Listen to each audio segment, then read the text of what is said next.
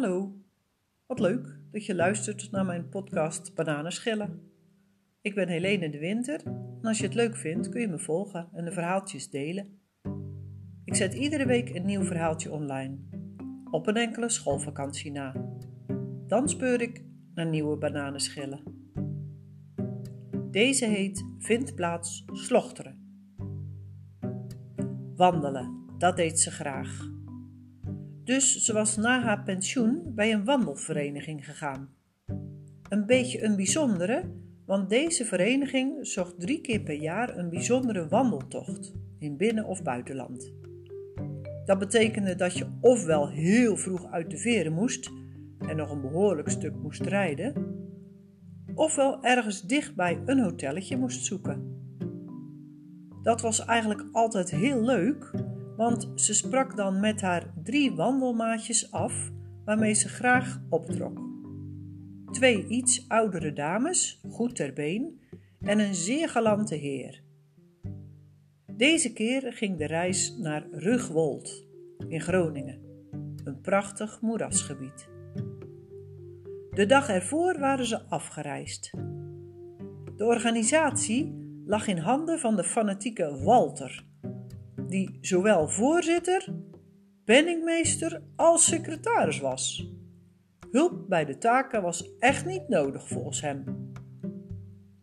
Hij was als alleraardigst begonnen, maar met het klimmen der jaren had hij toch wat trekjes van een wandeldictator ontwikkeld. De tocht liep kilometers na tien uur nog zonder koffie. Hij stelde lunches zoveel mogelijk uit. Dames, heren, dat vertraagt het tempo als zodanig aanzienlijk.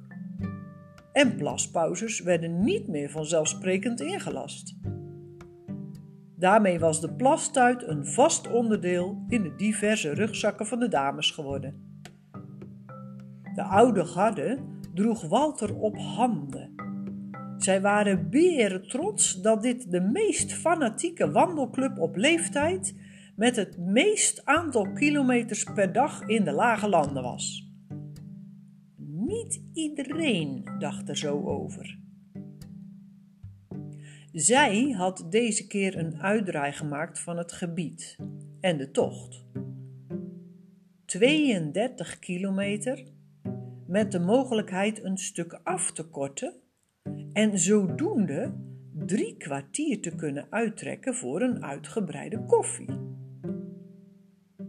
Ze had het plan in de auto met haar maatjes besproken en zij vonden het zeer opwindend.